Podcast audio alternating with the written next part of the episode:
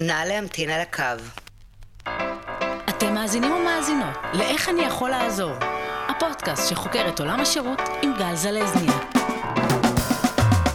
לתמך בטוב, טוב, טוב, טוב, טוב. נא להמתין בבקשה.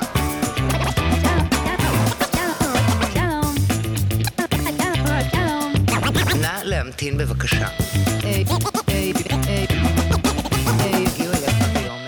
בין השעות 9 ל-12.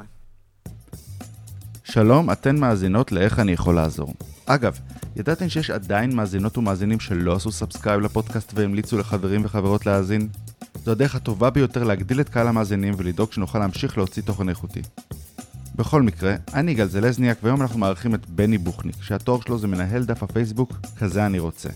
אבל בתכלס, הוא סופר מומחה לצרכנות שיודע ומבין המון, גם על החברות וגם על הלקוחות. הוא מסוגל לפתוח לחברות דלת לעשרות אלפי רוכשים פוטנציאליים, ומצד שני מעמיד סטנדרטים קפדניים של שירות לכל חברה שרוצה לשתף איתו פעולה, וכך שומר על אמון גבוה. נשמע ממנו איך הפך להיות גורו צרכנות, מדוע לדעתו הצרכן הישראלי הוא בדיוק כמו זה הבריטי, איפה עומדת רמת השירות בישראל ביחס לעולם, ושלל תובנות על משלוחים, בנקים ועוד. כמובן שאם למדתם, ואפילו נהניתם להקשיב, אל תשכחו לעשות subscribe ולהמליץ לחברים וחברות. אנחנו נמצאים בכל הפלטפורמות הרלוונטיות. בואו נתחיל. שלום בני בוכניק. שלום גל, מה שלומך? מצוין, מצוין, טוב שאתה פה. תודה רבה על ההזמנה. אנחנו כבר התחלנו לדבר אפילו לפני, וזה תמיד מבאס שאני לא מתחיל להקליט בזמן. אני צריך, אני צריך פשוט להביא את האנשים, לשים להם את האוזניות, להגיד, "אה, נתחיל לדבר עכשיו. פשוט, והקפה יבוא לבד. בדיוק, לא, לא, בזמן, בזמן הקפה. אם אתה רוצה לשתות, זה, אני אלך, אני אקליט את זה, אתה יודע, שיהיה, שיהיה, חבל. כי דיברנו דברים נורא מעניינים. או שתפזר מיקרופונים פה בחלל. וואי, זה מעולה. וגם מצלמות, וזה יהיה האח הגדול קטן של פודקאסט, פודקאסט האח הגדול. אז אנחנו אה, נתחיל מההתחלה, ואנחנו נגיע למה שדיברנו, כי זה סופר מעניין. בוא, בוא, בוא תספר לי מה אתה עושה. אני אבא לשלושה ילדים, כבר התחלה טובה. נשוי, גר בנס ציונה. אה, אני בן 45, חובב גאדג'טים מושבע, חובב מותגים, חובב קניות. זה שילוב מאוד מאוד בעייתי, והדבר האחרון ששבר את קש הגמל זה בעצם גיסה שחיה בניו ג'רזי. אה, ובעצם השילוב הזה אפשר לי להיחשף לפני עשור בערך לעולמות אה, בעצם של קנייה או לעולמות של פערי מחיר ומגוון אינסופי. אלה שני אלמנטים מאוד מאוד חשובים, שזה בעצם המגוון. אני לא, אהיה- לא אוהב להיות תלוי בגחמות של יבואן כזה או אחר, על סוג דגם כזה או אחר. כשיש אוזניות חדשות טובות ומעולות ואותן אני רוצה, אז אני אשיג אותן. ולכן הדודה בניו ג'רסי סיפקה לי את המחסן, את בעצם את המרתף למטה שהיה שם הפינה שלי שלאט לאט התרחבה, וכל פעם הייתי קונה ושולח אליה. זה נחמדה. היא מאוד מאוד נחמדה, היא הדודה הכי טובה בעולם. והייתי שולח אליה, ומישהו היה עובר בדרך, חברים, משפחה, קרובים, חברים של חברים, ההוא מהעבודה של גיסי ואלף ואחת אנשים, וכל פעם היו מעמיסים על מישהו משהו. אה, בשביל בני, והייתי מסתובב לי ברחבי הארץ, ואוסף בחזרה את הדברים שהייתי רוצה לקנות. ובעצם ככה האהבה הזאת המשיכה והתחילה, ואז אני אוהב, כמו שאמרתי לך, מותגים וקניות ועניינים, והייתי שולח, ו... ואז חברים התחילו לשגע אותי, רגע, איפה זה, מאיפה זה, ומאיפה זה, ותשלח לי רגע את ההוא של זה, את הקישור של זה. וזה היה בערך, התגלגל כמה שנים ככה טובות. אה, לפני איזה שש שנים בערך, משהו כזה, אמזון בעצם אמרה, אוקיי, הגענו לאיזשהו סוג של, לא מיצוי, אבל כבשנו את השוק האמריקאי. והתחילו להתפתח גלובלית, ובעצם התחילו לפתוח מרכזים ברחבי העולם, אבל אז הם הבינו כנראה שהם לא יכולים לפתוח מרכז בכל מדינה, לא יכולים לפתוח מחסן בכל מדינה, ואז הם התחילו בתוכנית שנקראת global shipping, שאמרה, אתה בתור צרכן, אנחנו יודעים לשלח, אנחנו יודעים להתנהל מול חברות הלוגיסטיקה ברחבי העולם, אתה תזמין, אנחנו נביא אליך. וזה קרה בערך לפני איזה שש שנים, שבע שנים, והתחלתי להזמין ישירות, זאת אומרת, המחסן פחות אה, שימש אותי באופן ישיר, עדיין קצת פה ושם, אה, של אצל הגיסה, ובעצם התחלתי לשלוח ישירות. ואז, כמו שאמרתי לך, חברים שאלו עניינים וזה, והייתי שולח להם קישורים. בהתחלה עשינו באיזה קבוצת כזאת וואטסאפ קטנה, כמה חבר'ה, קונה משהו, שולח, קונה משהו, שולח את הקישור. אה, תראו, ראיתי איזה, לא יודע מה, כמו שאמרתי לך, אוזניות טובות, רמקול נחמד, שעון מעורר שמצפצף בקו-קו-קו. ו- ואז בעצם התחילו לבקש לצרף חברים, או החבר ההוא שואל את זה על זה, אבל ככה התגלגלנו, ככה מהר מאוד מצאנו את עצמנו תוך איזושהי קבוצת פייסבוק קטנה וסודית וסגורה. אה, והתחילו להגיע בקשות מאותם חברים, לצרף חברים אחרים. ואז אמרתי, טוב, בוא נפתח את זה. אה, צרפו. כאילו, אבל בתנאי אחד, אל תש... אל... שלא ישאלו אותי שאלות.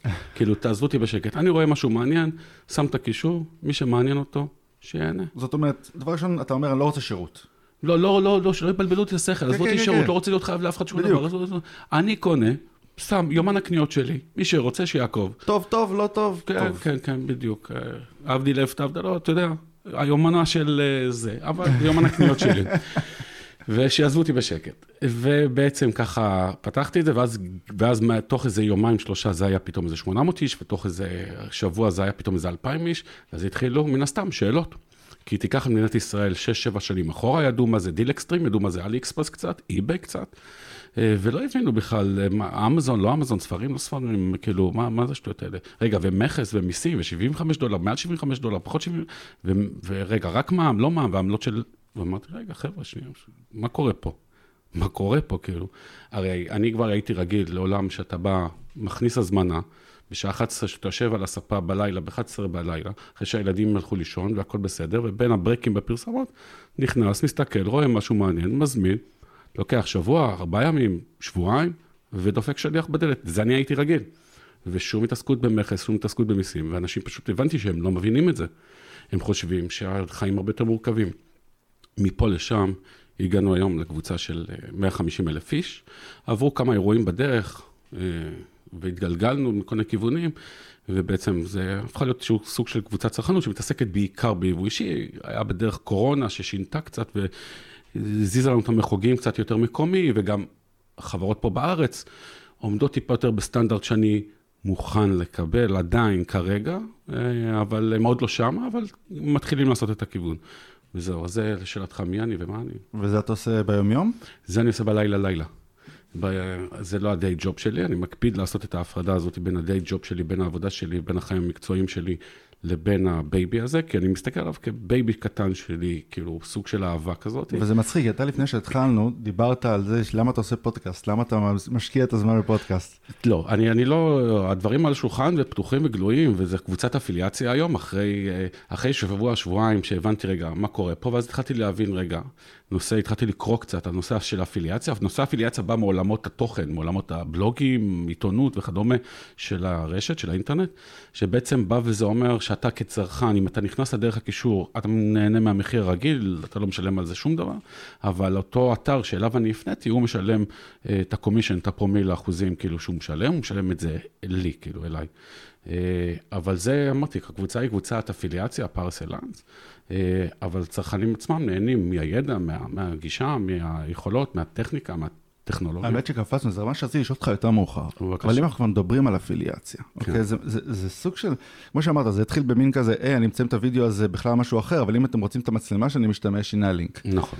אבל אה, כשאתה לוקח את זה, ובעצם זה הופך להיות אחת מקבוצות הצרכנות, שיש כמה וכמה, אז זה כבר הופך להיות מין כזה העסק. ואז השאלה זה באמת, לא איך אתה מסתכל על זה, אלא איך הלקוחות מסתכלים על זה, מבחינתם אתה אחראי. אז אני אסביר. ושאלת אותי לגבי הדיי ג'וב שלי. וזה, אני מתעקש עם עצמי, לפחות פעם בשבוע, שבועיים, וקם, גם כשיש גשם באמצע סופת אה, כרמל, אה, ללכת לעבודה, מה שנקרא, כדי לעשות את ההפרדה המאוד מאוד ברורה הזאת. אני, קבוצת אפיליאציה נקייה, מה הכוונה? אנשים או ספקים או whatever, לא משלמים לי על תוכן בכלל, אפס. אני לא מוכן לקבל, אני מקבל הרבה הצעות, אני לא מוכן לזה. מסיבה אחת מאוד מאוד פשוטה, כדי להיות נאמן למה שאני שם. זאת אומרת, אני התחלתי עם הקבוצה הזאת כקבוצת, סוג כמו שאמרתי, יומן קנייה שלי, או לחברים הקרובים שלי. אני מסתכל על הקבוצה הזאת, הם עדיין אותם 20-25 חברים שהם שלי, אחותי ועוד כמה חבר'ה. וכל קישור שאני שם שם זה קישור שאני הייתי קונה לעצמי, או קניתי, או הייתי, היום זה כבר, אני לא יכול לקנות הכל, כן? אבל הייתי קונה לעצמי, או ממליץ לאחותי, או לחבר הכי טוב שלי לקנות.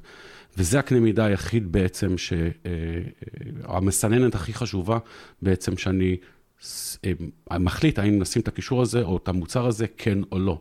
ושום שיקול אחר, זאת אומרת, אין לי, אין לי, אני לא מקבל כסף, יש, יש אה, אה, אה, משפיענים, משפיעניות וכדומה, ש, או יש ספקים שאומרים לך, בוא, תיקח את הכסף, מה אכפת לך, תפרסם את הפוסט, אני נותן לך כסף, לא משנה אם תמכור. אני אומר לו, לא, זה לא מעניין אותי. אם המוצר הוא טוב, והמחיר הוא טוב, והמחיר הוא הוגן, בוודאי, אז אני, אני מקבל תגמולוגים על בסיס המכר. אבל אם המוצר הוא לא טוב, ברגע שאתה הופך את זה למצב של, בעצם זה ווין ווין ווין, זה, זה משולש כזה חייב להיות קבוע בין הספק לבין הצרכן לביני, אז זה מצליח.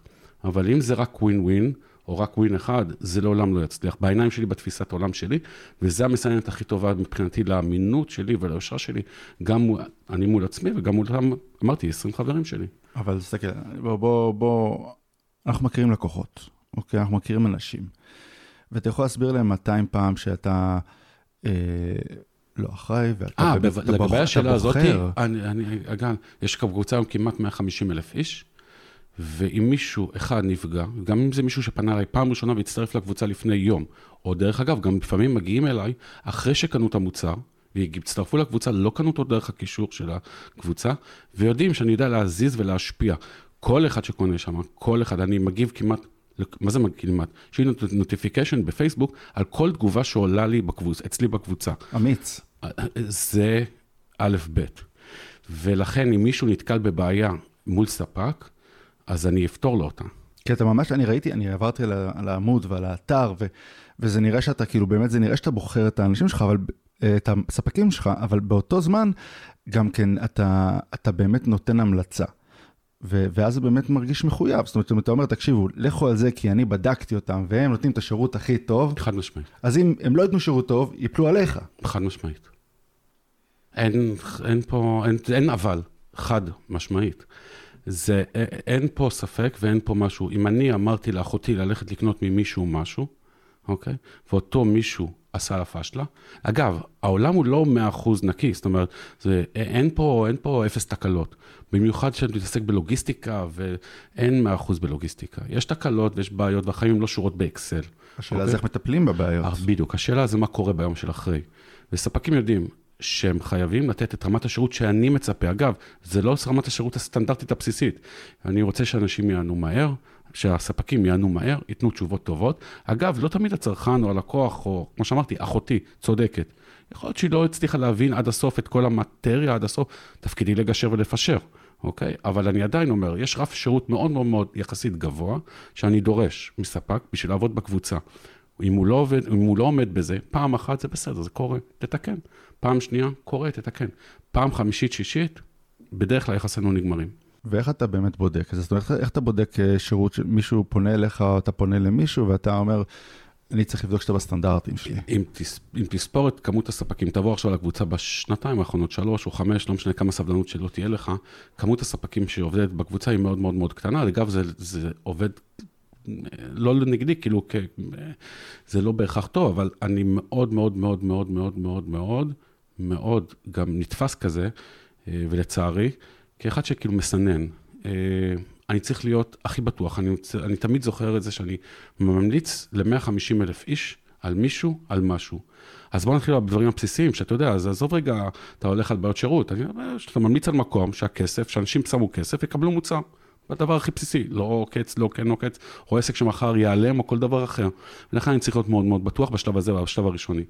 השלב השני זה בעצם להיות מאוד בטוח במוצר, וברמת השירות שה- שהלקוחות יקבלו. ולכן אני יחסית, יחסית מאוד מאוד מכווץ בכמות הספקים שאיתם אני מוכן לעבוד. אני לא מוכן להתפרס עד אינסוף. זה אה, סוג של בחירה, אוקיי? למי לעבוד ומה לעבוד, הם צריכים לעמוד בסטנדרט גבוה, זה לא כזה פשוט אגב. מה הסטנדרט שלך? הסטנדרט שלי זה שהלקוח יהיה מרוצה. זה כלל ברזל. זה תקלות יכולות להיות, לקרות, זה בסדר. כל הספקים שלי יודעים, אני אגבה אותם, אני אעזור להם, אני... בוודאי. התקלות יכולות לקרות, זה בסדר. קורה לך תקלה אחת ל... זה בסדר. זה חלק מהחיים. כמובן, לא שהתקלה חוזרת ולא תקלות חוזרות, ו... אבל כשקורה משהו, זה בסדר גמור. הכל בסדר. אני גם אגבה, כי אני לא מוכן לשיח, זה גם סוג של חינוך, כי אני לא מוכן גם לשיח פוגעני ולא לשיח מתקיף, אבל אה, מצד החברי הקבוצה. אה, אבל ברגע שקורית תקלה, אני רוצה שהלקוח בסוף הסשן, יכול להיות שייקח יום, יכול להיות שייקח שעה, יכול להיות שייקח שבוע, הלקוח יהיה מרוצה. ויגיד, פתרו לי את הבעיה, לא סתם פתרו לי, אלא לשביעות רצוני המלאה. אה, זה יכול להיות אלף ואחת דרכים, כל, כל בעיה וכל כל, כל תקלה היא, היא לסוגיה, אבל זה לא קורה, אגב, זה לא קורה המון. לא, בגלל שברמת השירות הבסיסית של אותם ספקים, יודעים שגם מצופה מהם אה, איזשהו סטנדרט מסוים. וכולם, כולם אה, זאת אומרת, ספקים, או, או איך אני מנסח את זה? יש הבדל בין נותני שירות לבין אה, ספקים, לבין, לא ספקים, אה, ריטיילרים, לבין אה, אנשים שיבואנים. אוקיי, זאת אומרת, אני ראיתי למשל שאתה מוכר דברים נגיד של קרמל דיירקט, שהם יבואנים. לעומת זאת, יש לך את KSP שהם, אה, אתה יודע, הם סוחרים, ריטיילרים. אה, ויש גם דברים שהם של שירות, אני לא יודע אם, לא, לא ראיתי דברים של שירות אצלך. יש, יש, נגיד, אני ממליץ על תוכן השפעה, ועל הדרך אני ממליץ גם על, אה, אגב, אה, איש שנותן שירות, מתקין, שלא אני מצאתי אותו בכלל, חברי הקבוצה.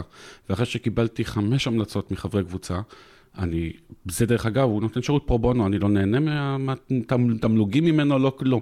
הוא פשוט בן אדם מקסים וטוב, ונותן שירות חיובי, ו- ו- ולא שמעתי עליו פעם אחת ביקורת. ולכן הוא גם מומלץ, מה שנקרא, אצלי בקבוצה. כן, אז יש גם נותני שירות. אז זה, זה, זה כאילו, זה רמה של קושי מה- לעמוד בסטנדרט שלך. כי נגיד, אה, למשל KSP למשל, שראיתי שהם ספקים שלך. כן. אז הם, כל מה שהם צריכים לעשות, בתכלס כל מה, זה מסובך, אבל אתה מבין למה שאני מתכוון. כאילו, הם כאילו, שים את הזמנה באתר, עם המחיר הטוב, שאתה דואג שזה מחיר טוב, זה מגיע, צריך להגיע בזמן שזה אמור להגיע, וזהו. אם יש בעיה, פונים ליבואן. יכול להיות, אבל גם תקלות קורות בשרשרת הזאת. כל הנושא של הקניות ברשת מורכב מעשרות חוליות קטנות, אוקיי? אה, וזה תלוי במה שכמו שאתה אומר, בתוכן באתר, שהוא יכול, צריך להיות תקין. אתה יודע, שאנשים קונים משהו שהוא כמו שהוא כתוב, ולא מקבלים משהו אחר, וקורה, קורה. ומחירים, ואחר כך מחסן, ולוגיסטיקה, ונהגים, ושליחים, ואלף ואחת גורמים. אה, אה, וגם, אגב, כשאתה לוקח את KSP כדוגמה, ותסתכל על, על רמת השירות שהחברה נותנת, אוקיי? שבעיניי היום היא הרבה יותר טובה מאשר היא הייתה לפני ארבע שנים, היא עדיין לא איפה שהיא צריכה להיות, אבל גם עם KSP, כשהתחלתי לעבוד, אמרתי, תקשיבו, יש פה סטנדרט שירות שאני, כי אם אני ממליץ על משהו, אני רוצה שתעמדו בו. גם אם אתם לא עומדים, אתם יודעים מה? גם אם אתם לא עומדים בו עכשיו לכלל הלקוחות, אצלי בקבוצה, אני רוצה שיהיה סטנדרט שירות מסוים, והם עומדים בו. והם יודעים לתת את השירות, ויש בן אדם שמלווה ומטפל, וגם אם יש למישהו בעיה, כי הוא הגיע לסניף והמוכן דיבר לא יפה, בסדר? וזה קורה, שוב פעם, זה חלק מהחיים. אה, הם יודעים לדעת לקחת אחריות ולדעת לתקן ו- ו- ולהתקדם הלאה. והם לומדים ועושים בעקומת לימוד מאוד מאוד גדולה, גם היא- היא- הם הם בסוג של עקומת לימוד מאוד מאוד גדולה, ברדיפה אחרי עקומת הגידול שלהם, אה, שזה, אתה יודע, זה, זה, זה, ככל שאתה גדל יותר, אתה גם, תשומות השירותיות שלך, שירות שלך הן הרבה יותר גבוהות, אבל הם, בתפיסת עולם שלי, הם, הם, הם שם, הם בדרך לשם. אה, האמת שאם אתה בקשר איתם, יש משהו שאני ממש רוצה שהם יעשו, וזה... אה, דבר, הם שומעים אותך. זה ככה, תקשיבו, אוקיי? זה ככה.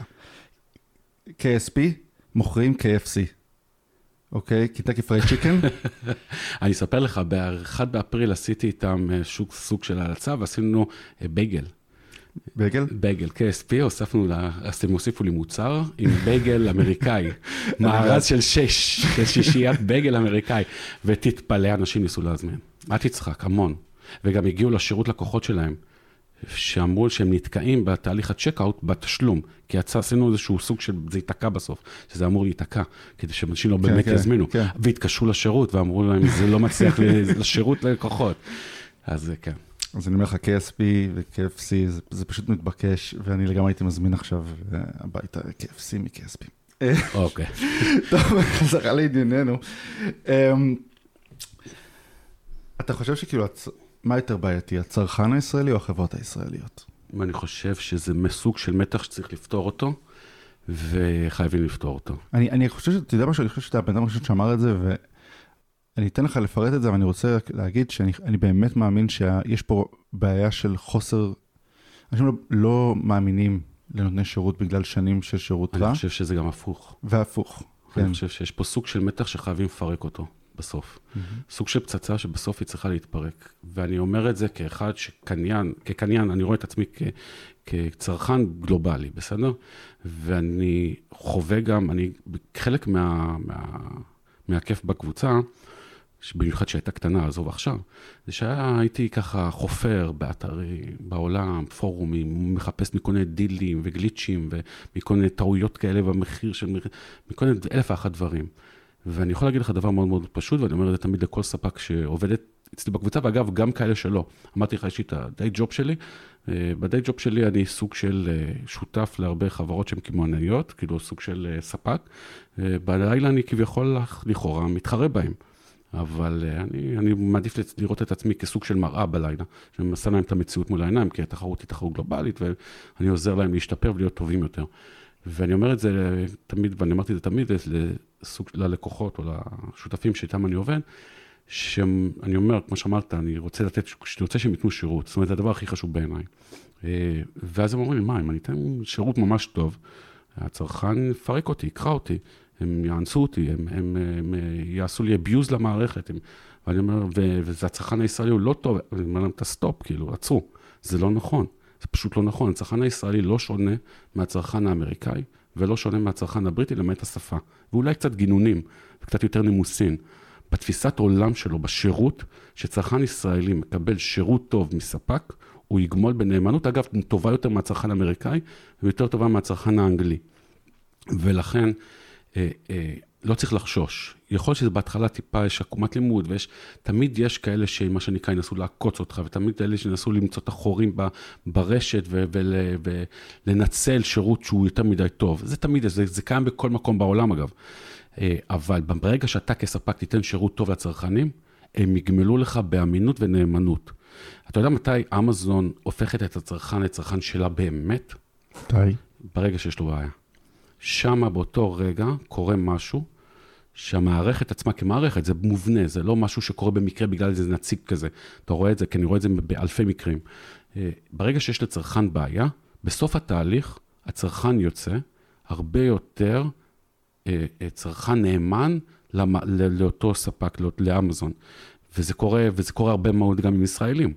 אחרי שיש להם בעיה והם קיבלו שירות לעילה ולעילה, שלא פקפק באמון שלו. זאת אומרת שלקוח ישראלי מצלצל לספק ישראלי, פה לא משנה עכשיו למי, בשיחה הראשונה הוא כאילו צריך להוכיח שאין לו אחות, הוא צריך להוכיח, סליחה, שהוא יהודי, או לא משנה, כאילו, שלא אף אחד לא יודע, שהוא צריך להוכיח שהוא ערבי. בסדר? הוא, הוא צריך להוכיח למישהו משהו.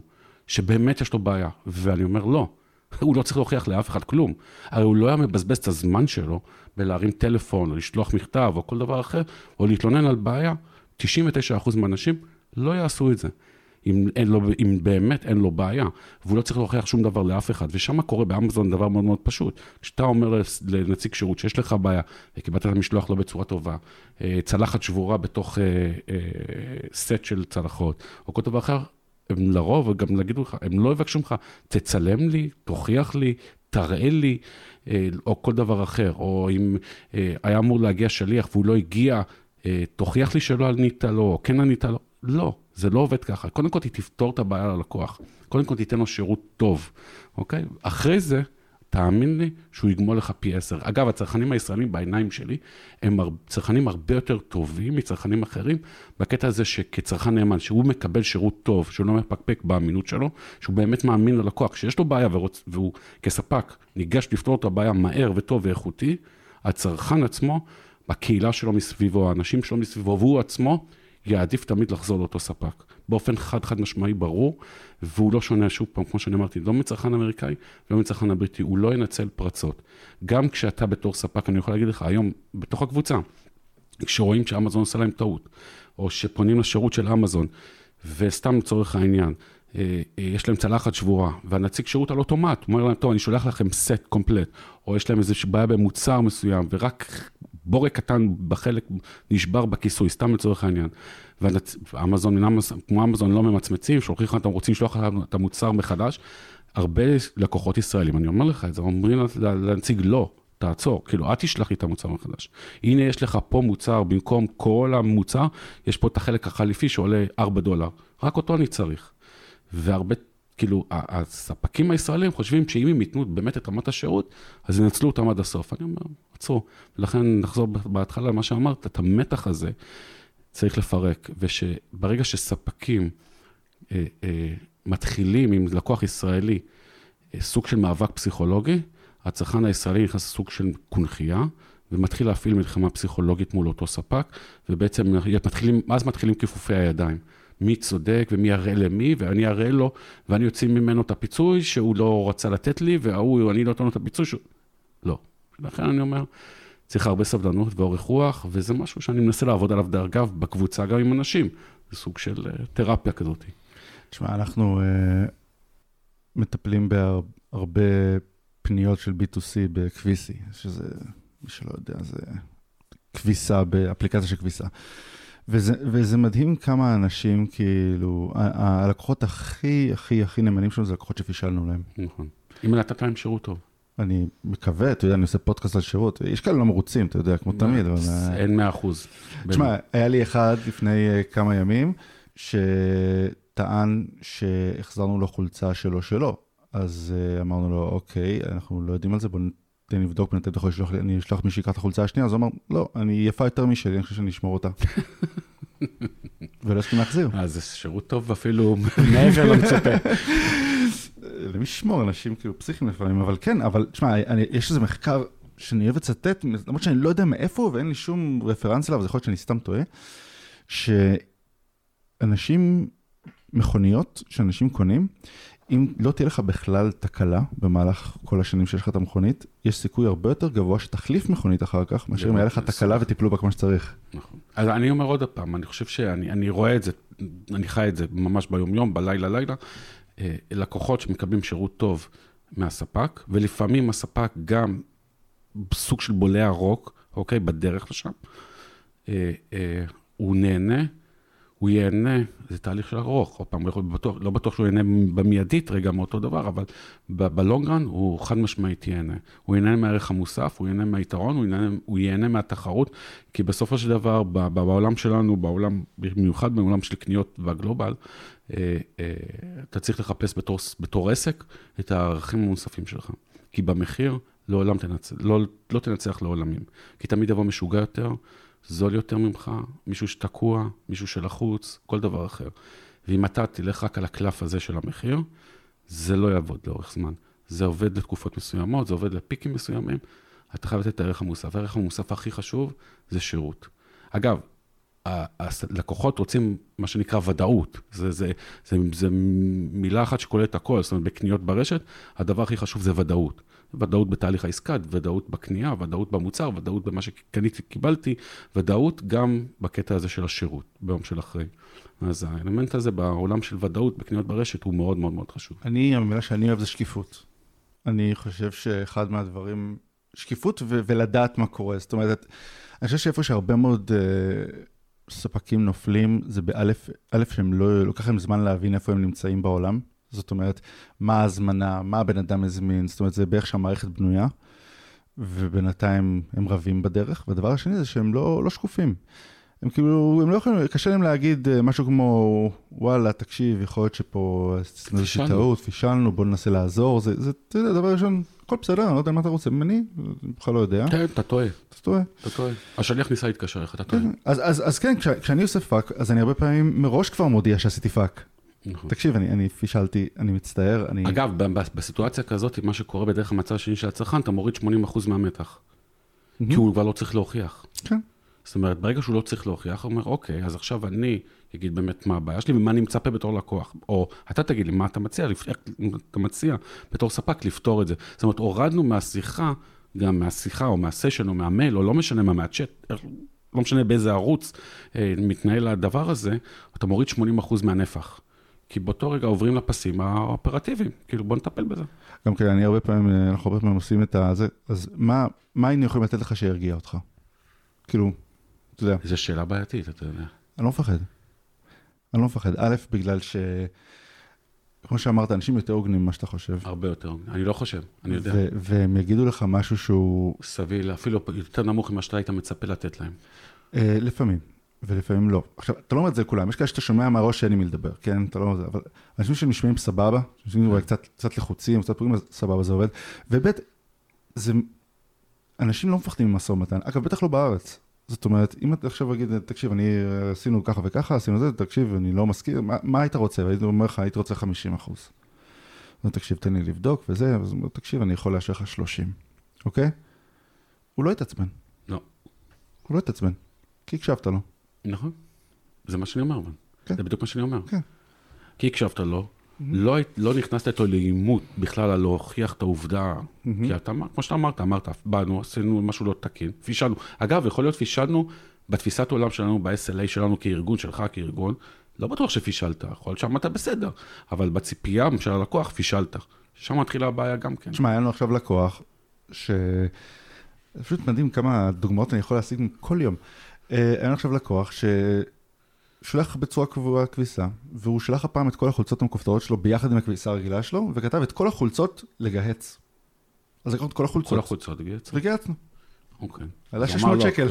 הוא רצה רק כופ- כופתרות. תגדילו ראש, מה, אין לכם שכל? עכשיו, אנחנו מבחינתנו, אז א', הוא יודע מה הוא עושה, כי ראינו שהוא ואיך יודע את לעשות את זה. הסוגיה הזאת?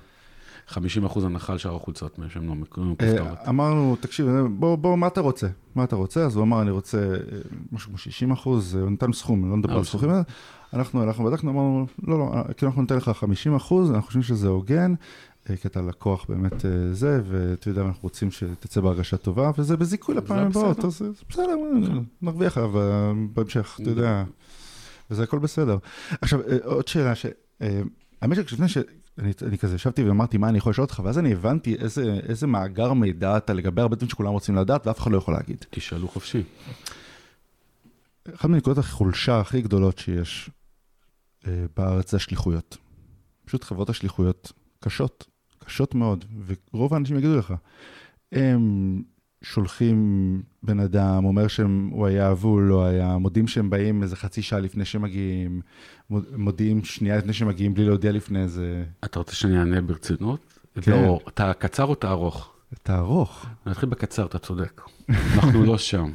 זאת אומרת, מדינת, אנחנו, לא, זה לא אני, כן? מדינת ישראל בשירותים הלוגיסטיים שלהם, לא שם. יש חברות טובות מאוד, ויש חברות הרבה פחות טובות. אגב, זה סוג של עקומת לימוד מהירה מאוד וגדול, ומאוד מאוד מאוד גדולה. במדינת ישראל, מה שקרה בשלוש, ארבע, שנתיים האחרונות ברור, אבל גם קצת לפני שלוש, ארבע, שירותים הלוגיסטיים במדינת ישראל לא מספיקים, לא מספקים את הביקוש שקיים ב- במשק הישראלי, אוקיי? אין פה מספיק חברות טובות וגדולות, יש פה כמובן את החברות הבינלאומיות הגלוב- הגלובליות, UPS, DHL, FedEx וכדומה, שרמת השירות שם היא יחסית טובה, אפילו טובה מאוד. אה, אתה יודע תמיד איפה החבילה שלך, אתה יודע מתי היא תגיע, אתה יכול לתת הוראה לשליח בצורה אלקטרונית, מה לעשות עם החבילה, להשאיר אותה אצל השכן, אצלך בבית, לחכות. שגם אצלם היה הרבה פעמים על מי לדבר. אה, אני לא מסכים איתך כל כך גם בקטע הזה, אני לא מסכים. אני חושב, אני, אתה יודע מה? שאלה טובה. שמע, אבל- אני, אני אגיד לך שחברה גדולה בינלאומית, לא נגיד אה, איזו מהם, למרות שיש בערך איזה שתיים או שלוש. יש אה, איזה ארבע בארץ, שלוש מתעסקות ב... כן. ב-B2C. כן, אחת מהאותיות, אחת מהאותיות, חברות האותיות. אה, הזמנתי למשרד משהו, אה, משהו פרטי, חולצה, חולצות, וכתבתי לגל זלזניאק, את החברה שלי, כאילו שזה ברור שזה בשבילי, והם החליטו שזה מסחרי, כי זה הולך לחברה, זה סוג אחר, זה דווקא ב- בסיווג הכניסה לארץ. אז הם סיווגו את זה לחברה. עכשיו, אני אומר להם, חבר'ה, זה קרה לי כבר בעבר, כאילו סבבה, תשלחו לי טופס, אני אחתום שזה פרטי. פרטי. אין לי מה לדבר. לא מוכנים. אז פעם באה תצטט, כאילו בקבוצה, תרים לי דגל, נפתור לך את זה בדקה וחצי. אבל זה לא צריך להיות. נכון. זה לא צריך להיות, גם לא, אז מה אתה לא... מעדיף שאני לא אעזור? לא, ברור, אתה מבין למה אני מתכוון. אוקיי. זה, כל כך א', ב', כאילו, מה אתם רבים איתי? אני אומר לכם, זה, פרטי, אני מוכן לחתום על. זה, זה חולצות, אוקיי? על פי הוראות של פעמים קודמות, אמרו לי, תרשום את השם שלך, כראשי. ראשון. נכון, עשיתי את הכל. אוקיי, אז היה פאק, אוקיי? אוקיי. אני מבין, אבל אתה צריך לזכור, שנייה, אני אהיה פרקליטם לרגע. תמיד, תמיד תהיה פרקטי. אז אני פרקליטם, אתה צריך לזכור שהדברים האלה עוברים בשידור אוטומטי במערכות מחשב, אוקיי? ועם סיווגים אוטומטיים ברובם, אה, גם, והעמילי מכס שרק בוררים את הדברים הבעייתיים יותר, שדורשים טיפול אישי, או טיפול, מה שנקרא, פרטני. אה, לרוב המחשבים בדרך כלל, בדרך, בדרך כלל, 99% מהתקלות הן תקלות מחשב. אגב, מחשב לא טועה, כן? אבל זה תקלות בסיווגים, ותקלות בהעברת האינפורמציה מהנקודה השולחת, מתחנת השילוח, נגיד סתם DHL, UPS, לא משנה איפה, בחו"ל, אה, שהיא משדרת לתחנה פה בארץ, מה שנקרא, ושם בשידור משהו לא תקין, כי משהו בשדות לא הוגדר כמו שצריך. זאת אומרת, אם, דרך אגב, זה היה מאתר שהוא e-commerce גדול, מוכר, כאילו שמספק לארץ, מה שקנית, או שזה היה איזשהו אתר חברה קטנה? אתר חברה, כאילו עולמי, אבל לא, לא נשלח לא לארץ משהו, בכלל. לא משהו, לא, לא זה- איזה אמזון. שם הבעיה, כי בדרך כלל זה הגדרות של שדות, ואיזה שדה הראשון ואיזה שדה השני, וזה מס- בדרך כלל מסווג אוטומטי. אגב, נציגת שירות אמורה לפתור לך את זה בדקה וחצי, אני מסכים איתך לחלוטין. אה, אבל לחזור רגע לשאלה של מה שאמרת מקודם, זה, זה בדיוק אחת החולות הרעות, או לא החולות, הקשיים, זה שהחברות פה בארץ, בכלל, בכללותן, אין מספיק יכולת לספק את הצרכים של השוק הישראלי שמתפתח בצורה קיצונית. אבל למה? למה? כי... זו שאלה טובה. למה? אני לא יודע למה. הרי ש- תשים לב, יש המון המון חברות קטנות, המון המון חברות, מה שנקרא, אה, איך אני קורא להם, שליחות אה, פרטית, בסדר? כאלה שעושים, אני רוצה להגיד חאפרים, בסדר? אה, זה כאלה שעושים עבודה שנייה, ומגיע לך שליח עם אוטו שהוא מועמס מכל כיוון, הוא רק פותח את הדלת, נופלות לו ארבע חבילות על הרצפה, והוא צריך לסדר אותן, עד החברות הבינלאומיות. וזה קורה, החבילות, מה שנקרא, החברות מסוג הראשון, מה שדיברתי עליהן, זה בגלל שבאמת יש ביקושים. עכשיו, מצד אחד יש ביקושים, מצד שני יש לחץ על המחירים. חברות כמו UPS, FedEx, DHL, לא משנה איך שתגדיר אותם, העלויות שלהם הלוגיסטיות, הן ב- לך כספק או כצרכן, הן גבוהות, הן גבוהות. והצרכן הישראלי עדיין לא שמה בשביל להפנים שהוא מוכן לשלם אותם, ולכן יש לחץ, כאילו, את המחיר, כולם רבים על המחיר אה, למטה, ואז נוצר בעצם חברות הביניים האלו הקטנות, שמנסות לשלוח חבילה ב-12.90 מכל קצה לכל קצה בעולם, וזה, בארץ, וזה לא עובד, זה לא, זה לא יעבוד. אני מניח שזה סוג של אה, התפתחות, זה, זה, זה תהליכים. אה, אני כמובן שהכאב שלי זה כי אני, יש לי שליחויות, כן? אני כאילו, כולי, אני, כביסי זה שליחויות הרבה. אוקיי, ו... אז אני, אני, כאילו, זה מפריע לי הדברים האלה. ואתה מוכן, למה אתה לא מוכן לשלם את האקסטרה הנוסף? עם, איזה חברה אתם עושים את השילוח? א', עם עצמנו, אנחנו שליחים. בסדר, אבל באיזשהו שלב זה לא יצליח, נכון? כי לכסות את הכל. אה, לא, אנחנו לא, אנחנו בוחרים את איפה אנחנו נכנסים, אנחנו לא עושים בכל הארץ, זה כביסה. אוקיי. לא, ברור, זה אזורי, כאילו, אבל, אבל עדיין, אני אומר, כאילו, בסופו של דבר תגיע איזשהו צורך, לא בחברה הזאת, ולא משנה, בפעילות אחרת, תגיע איזשהו צורך, אתה תצטרך להשתמש בחברה. ואז אתה, כל אתר צריך בסוף לבחור האם הוא מוכן לשלם על השליחות 30 שקל, או 17 שקלים לצורך העניין, והוא אומר, טוב, אני אחסוך את החמישה שקלים. והוא לא מבין, אגב, הוא לא, הוא, הרבה מאוד חוטאים בזה שהם לא מבינים שבסוף, בסוף, בסוף, בסוף, בסוף, בסוף, העסק, האתר, ההזמנה, הכל, נקודת המפגש של הלקוח היא עם השליח בסוף. היחידה שלך בתור עסק. ואם הוא לא נראה טוב, ואם הוא לא, כמו שאמרת, שירותי, או לא בא לו, או הוא לא ענה נכון, או כן ענה נכון, הוא היה תחת עצבים, הוא לא רצה, לא רצה לחכות לך שנייה כי אתה מביא את הילד מהגן, או כל דבר אחר. כל האתרים המסחריים הכי גדולים שיש בעולם, נקודת המפגש שלהם האמיתית, באמת, פנים face to face, עיניים מול עיניים, זה השליח בקצה, בקצה השרשרת. ואם הוא יהיה טוב, חוויית, בדרך כלל חוויית השירות שלך בתור לקוח תיזכר כטובה. כי ואם הוא יהיה רע, זה לא משנה מה עשו בדרך. אם המוצר היה טוב, והמחיר היה מצוין, והכל עבד תקין, והשילוח הבינלאומי או הארצי, או לא משנה מה היה מצוין, עד שהוא הגיע לקצה הדרך, למה שנקרא last mile שלך. ה-last mile אליך הביתה הוא מאוד מאוד מאוד קריטי, ועסקים צריכים לזכור את זה ולהבין את זה.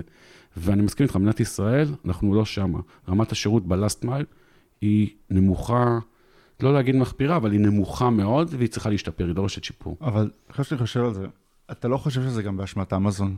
זאת אומרת, אתה היום באמזון יש לך משלוח חינם עד הבית. והם עושים דינדור ישראל, נכון? כן. והם לדעתי, זה לא, לא רק, בעיקר. והם הרביצו להם מספיק כדי שהם יעשו את זה כמו שצריך, יחסית. אה, דואר ישראל גם... אה, יש להם את הפאקים שלהם, יש להם את הפאק, כן, אבל הוא מבין- אמזון אז הם יותר הוא טובים. מבין שהחרב על הצוואר כל הזמן, כן. אה, ואז אתה יודע, בעל עסק בארץ, אתה יודע שזה כאילו הרבה יותר קרוב, אתה צריך להביא את זה בארצות הברית או מאנגליה, והוא פתאום צריך לקחת 30 שקל, כן. זה כאילו, זה, הלקוח יש לו בעיה עם זה. מה, אני צריך עכשיו מוצר, אני רוצה, אני יכול עכשיו להזמין מוצר, אה, כמה מוצרים, אבל אני בתור לקוח צריך לנצל את כל ההיצע וכל הכלים שיש לי בתור צרכן, לעשות, אותו, לעשות את הצרכנות שלי, את הקניות שלי הכי טוב. אני מבין שיש פה בעייתיות מהצד של המתחרים פה בארץ, או מצד, ה... דרך אגב, לא רק בארץ, גם בעולם, מול אמזון.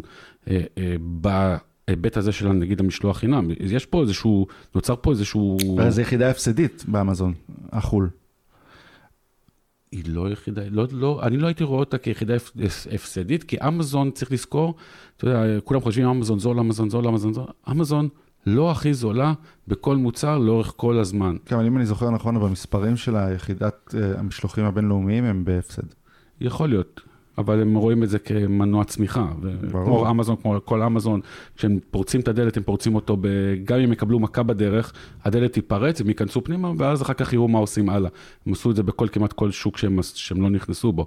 אבל uh, עדיין אני אומר, אני כצרכן, זאת אומרת, השאלה מאיזה כיוון אתה שואל אותי, אם אני כצרכן לא צריך לנצל את זה, בוודאי שאני צריך לנצל את זה, ולהתח...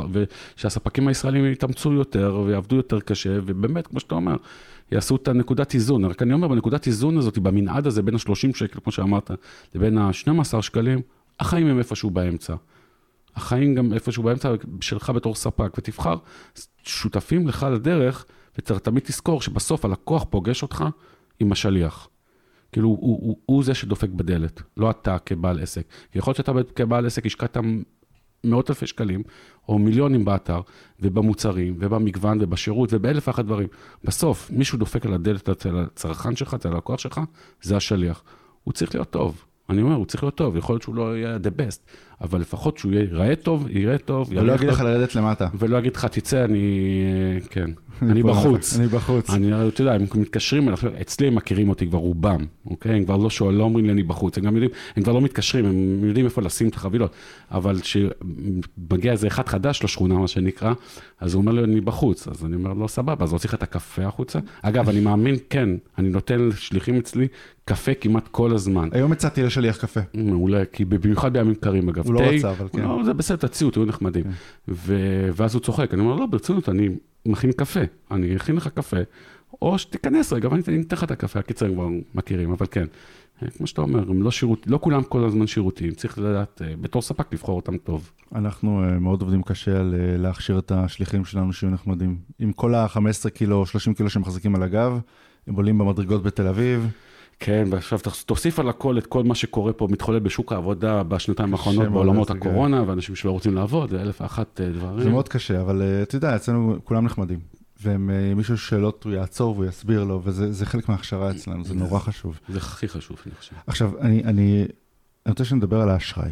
האשראי מעניין אותי. כן, אתה הוצאת אשראי. כן. מה, איך, איך עשית דבר כזה? הלכתי בגיל 16 לבנק והוצאתי, סתם. היו הופעות בערד, אז עשיתי הרבה כרטיסי אשראי בהרבה בנקים. היה אז פתיחת חשבון, אם אתה זוכר. ברור, ברור. היית מקבל הופעות הופעות, פעם. הופעות, הופעות. כל קיץ הייתי מוציא, פותח איזה ארבע חשבונות. אבל לא, אז לגבי האשראי, בעצם היום אנחנו כבר שלוש וחצי שנים עם כרטיס אשראי בקבוצה, של חברי הקבוצה. אה, זה היה תהליך ארוך, זאת אומרת, זה לא קרה בן רגע. זה היה איזשהו הגיג, איזה לילה אחד, אמרתי לך, אני בקבוצה בדרך כלל חושב בלילות. והשתמשתי, ב, אני בתור אה, צרכן, כאילו היה לי כרטיס אשראי שהיה בו הטבת אה, אה, עמלת, עמלת אה, המרה. זאת אומרת, הייתי קונה בחו"ל והייתי משלם עמלת המרה של 1% או 1 נקודה משהו, לא זוכר כמה זה היה. אה, ואז אה, חבר, חבר'ה, שוב פעם, אמרתי לך, תמיד אני מסתכל על הקבוצה בתור אותם 20 חברים שלי. והתחלתי להתעסק עם זה, כאילו, ולה, וטיפה לחקור ולרדת טיפה יותר לעובי הקורה. והיה לי גם כרטיס אשראי בנקאי רגיל, ושם פתאום ראיתי שאני מחויב בשלושה אחוזים כמעט. ו... ואז התחלתי להתעסק עם זה, להתעסק עם זה מה שנקרא עם עצמי. ולבדוק, כאילו, איפה עובר הגבול, ומה, כאילו, ומה, ובכלל אנשים מודעים, אנשים לא מודעים בכלל, כאילו. ו... ואז אמרתי, רגע, למה יש קבוצות אה, כוח, קנייה, צרכנות, או ארגונים, זה היה בעיקר ארגונים, ארגונים, אה, שמקבלות הטבות כאלה ואחרות, ואנחנו לא. כאילו, למה צריך להיות צווארון לבן, או דם כחול, או לא משנה מה? יש לי פה קבוצת צרכנות, זה היה, לא זוכר, אז זה היה 40 אלף, 50 אלף בקבוצה, אה, או פחות קצת אפילו.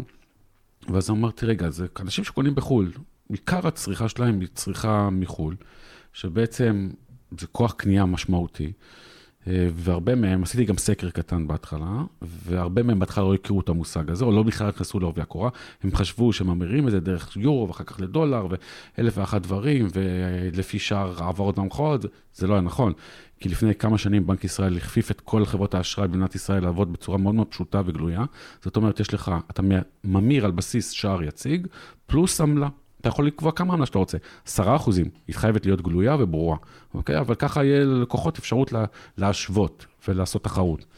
אה, ואז אמרתי לך, אני קניתי באמת עם יחס שער המרה יחסית נמוך, והתחלתי לעשות קומבינות, להכניס את החברים שלי למסוג, למועדונים האלה, שנותנים הט- הטבת אה, שער המרה. וכל מיני קומבינות, פשוט קומבינות ישראליות, כאילו, כן, החבר של החבר, כן. והוא היה זה, והעובד, כאילו, תרגיש שהוא עובד, ותבקש מה, זאתי מהכוח אדם, שתאשר, ו... ואמרתי, רגע, למה? כאילו, למה? אז הלכתי, וכמו חייל טוב, אחרי שהבנתי באמת שיש צורך, אה, דפקתי בדלתות של אה, חברות אה, האשראי. והדלתות היו סגורות ומוגפות, ואף אחד בכלל לא הייתה מוכן לדבר איתי. אמרו לי, על מה אתה מדבר? חברה, כאילו קבוצת פייסבוק, מה השטויות האלה בכלל? עזוב אותנו מהשטויות האלה, תקדם ילד. ואז, ואני ככל שאומרים לי, לא, אני עוד יותר הופך לכן, וככל שזורקים אותי עוד יותר, אז זה עוד יותר נותן לי מוטיבציה, ואני מבין שיש פה משהו, אני באמת מבין שיש פה משהו, כאילו משהו שמישהו מנסה לשמור עליו, ולא באמת יורד לסוף דעת, כאילו לסוף דעתי על הכוונה. ושניים, אה, גם התייחסו, ב, לא בסוג של זלזול, אבל באיזושהי צורה שהיא ככה לא, לא פתוחה. לא נאה. לא נאה. זה לקח כמעט שנה, ואז בכמה טריקים אה, מכירתיים מאוד מאוד פשוטים, הדלפתי לכיוון אחד שאני סוגר עם השני, והדלפתי לכיוון אחד שאני סוגר עם הראשון. אה, ואז מהר מהר מאוד, דרך איזשהו חבר, שהוא היה באמת בבנק לאומי בכיר, אמר לי, מה אתה זה? אמרתי לו, כן, עזוב, אנחנו, אני רוצה כרטיס אשראי, פשוט, ללא עלות חודשית, זה התנאי שלי, ללא עלות חודשית, ו-1% עמלת המרה. אמר לי, מה הבעיה? אני מארגן לך מחר פגישה. אמרתי לו, "אה, הוא אמר לי, עם לאומי קארד אז. זה היה מקס והיה לאומי קארד. אמרתי לו, טוב, זרקו אותי, אבל כמה, כמה כיוון, כמה פעמים זרקו אותי, ולא באמת. הוא אמר לי, עזוב אותך, אל תדאג. זה היה בלילה, למחרת בבוקר, קיבלתי טלפון, הייתה פגישה בשש בערב. ושם באמת שטחתי את, הפנטזיה שלי. אותן אה, בחורות נאות וחמודות שהיו איתי באותה שיחה, והיום חברות גם, בלי שום קשר, כל פעם אנחנו זוכרים את השיחה הראשונה, המפגש הראשון, שיצאתי מהדלת, הם אמרו לעצמם, "אה, טוב, ניתן לו, שלא יציקו לנו מהנהלה, נעשה לו מה שהוא רוצה, יהיה 100-200 איש, יצטרפו, וישאר לנו לפחות שקט מהגזרה הזאת, מהלשכה, כאילו, מה שנקרא, כי זה עבר דרך הלשכה ודרך מנהלת השיווק. ובאמת אה, התחלנו בת- ב- בדבר הזה שנקרא כרטיס אשראי לקבוצת אה, need it, כזה אני רוצה. זה היה לפני שלוש וחצי שנים, יש היום המון, יותר מאלפים, אה, שבעצם הוא מעניק אה, עמלת המרה של 1%, והוא ללא דמי, כאילו חבר, ללא התחייבות, ללא כלום. כמובן יש עוד הטבות שונות ומשתנות וכדומה, אבל זה ה-core business, זה, זה, זה לב לב בו העניין. אגב, הנושא הזה תפס תאוצה גם תקשורתית, כי בעצם גם החצנתי את זה החוצה.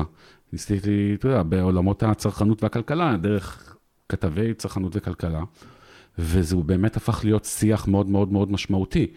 כי באמת פתאום אנשים התחילו להבין שיש פה פערים. זה יצר, אגב, בזמנו ללאומי קארד, זה יצר הרבה בעיות. כי אחרי שהכרטיס קיבל את התעודה הראשונית שלו, את הרעש בתקשורת, הרבה דפקו להם על הדלת ואמרו להם, מה קורה פה? יש פה איזה קבוצת פייסבוק כזאת קיקיונית, היא מקבלת תנאים יותר טובים מאנחנו, כשארגון אה, עובדים אה, גדול עם אה, 4,000 עובדים, או לא, לא משנה מה. אבל זה הסיפור בעצם של הכרטיס אשראי. ועכשיו הוא חוץ-בנקאי או... הוא? מחש... הוא כרטיס חוץ-בנקאי, ללא תלות, ללא כלום. זה, מאסטרקארד? של... לא. זה גם מאסטרקארד וגם ויזה אתה יכול לבחור, וגם אה, זהב וגם פלטינה. זאת אומרת, כל מה שנקרא... ראיתי שם המרת אה, מיילס. אה, כאילו- כן, יש שם, יש שם המרת, יש כאלה נקודות, מאסטרקארד, כאילו אה. שאתה צובר בנקודות תעופה, ויש כמה הטבות, עניינים וכדומה, אבל עוד פעם, הדבר הכי חשוב שהנחה אותי זה שאין לך בעצם דמי אה, כרטיס, תמיד, לכל החיים, לא, אני הדבר הכי, שאני הכי שונא, לבזבז את הזמן שלי בפקקים, על להתקשר לשירות לקוחות, ולהגיד לנציג שאני, כאילו, נגמרת לי הטבה ותחדש לי אותה.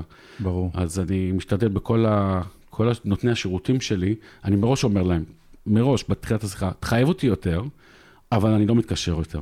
כאילו, פעם אחת ולתמיד. תקבע לי מחיר קבוע. השאלה זה למה, למה, למה היה צריך אותך? זה, זה, זה מה שמשגע אותי, כאילו. כי זו הייתה פרה חולבת של חברות האשראי, בוא נגיד את הדברים על השולחן, שזה סוג של עגל זהב שאף אחד לא היה מוכן לדבר עליו, להחצין אותו ולעשות אותו שום דבר. היום זה הרבה יותר פופולרי אגב. היום זה הרבה יותר נושא מדובר, ואנשים מבינים קצת יותר, וגם חברות האשראי הבינו, אבל בזמנו, גם, אגב, ניצלתי גם הזדמנות, היה שם איזשהו אירוע עם שופרסל, שבדיוק עזבה את, אה, את ההסכם שלה עם אה, לאומי קארד, וזה, ואז נכנסתי ככה בתווך, ואז הצגתי להם כל הפנטזיה, ואמרתי, ויהיו אלפים, ו- וכל הפ... כל החלון, כל הזה, וכולה קבוצת פייסבוק, כן.